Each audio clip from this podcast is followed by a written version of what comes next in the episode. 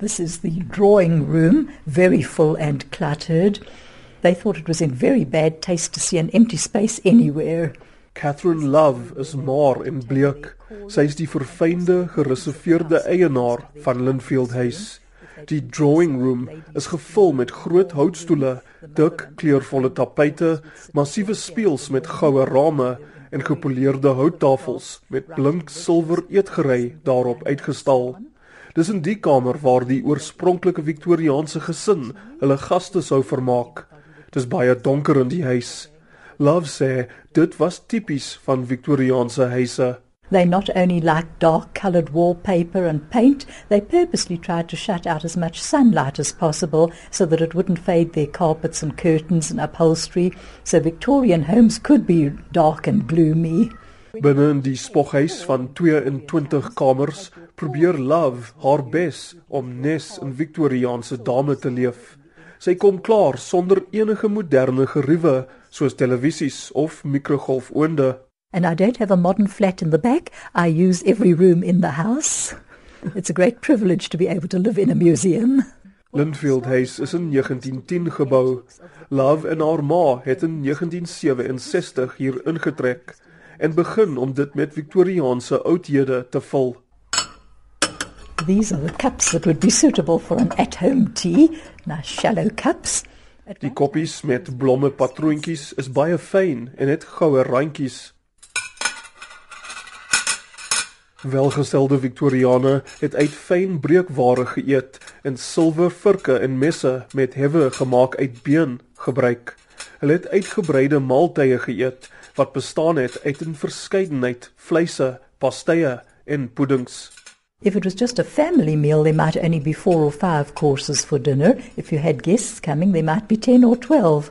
In die Victoriaanse era was daar spesiale reëls vir vroue tydens maaltye. Ladies were supposed to eat like birds. A well-bred lady had a very small appetite, so they would just pick at their food and send back the plates practically untouched.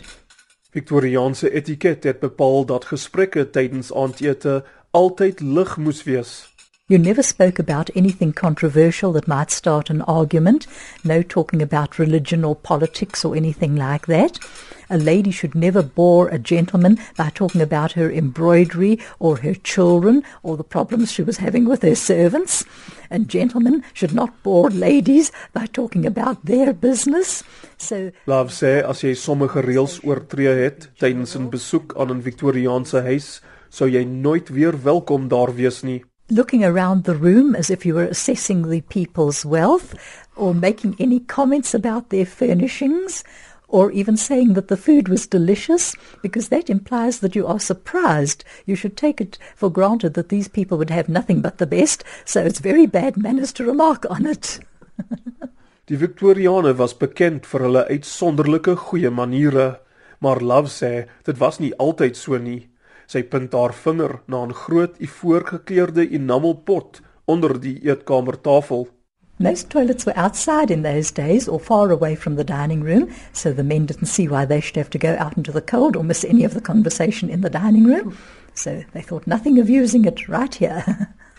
Love klim styl nou houttrappies uit na Linfield House se beknopte bediendekamers. There might have been a fat cook who had to squeeze her way up the stairs, but being a servant, who cares?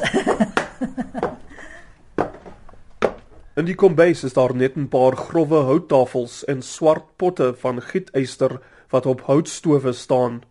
Love sê ryk Victoriane sou nie dood in 'n kombuis gesien word nie. Wanneer die Victoriane iets uit die kombuis benodig het, het hulle eenvoudig 'n klokkie gelei sodat 'n bediende dit kon bring. Love grinnik en sê hulle het ook ander vorms van vermaak gehad. They uh, would have played records in the library where we are. There's uh, this big collection of gramophone records.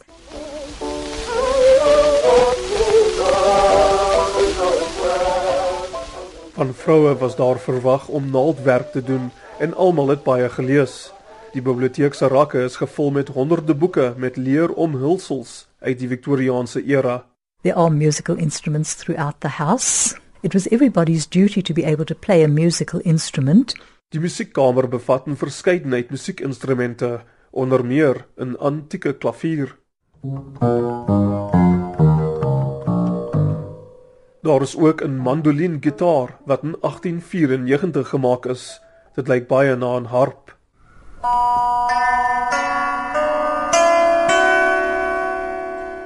Linfield House het nie Johannesburg se golf van misdaad ontsnap nie. Love sê gewapende rowers het daar al twee keer geteken. On one occasion, they tied me up and locked me in the wardrobe, but they kept asking me, Where's the cell phone? Where's the microwave? Where's the TV? They couldn't find anything worth stealing. Eventually, they took a top hat and a few Victorian coins and left. Love stap nog 'n antieke kamer binne. Sy sê Linfield House het geweldige historiese waarde vir Suid-Afrika en ook die wêreld. Maar die huis se nalatenskap word bedreig. Love weet dat sy nie vir altyd daar sal wees om die museum te onderhou nie. En tot dusver kon sy nog nie 'n erfenisorganisasie vind wat gewillig is om by haar oor te neem na haar dood nie. Ek is Darren Taylor in Johannesburg.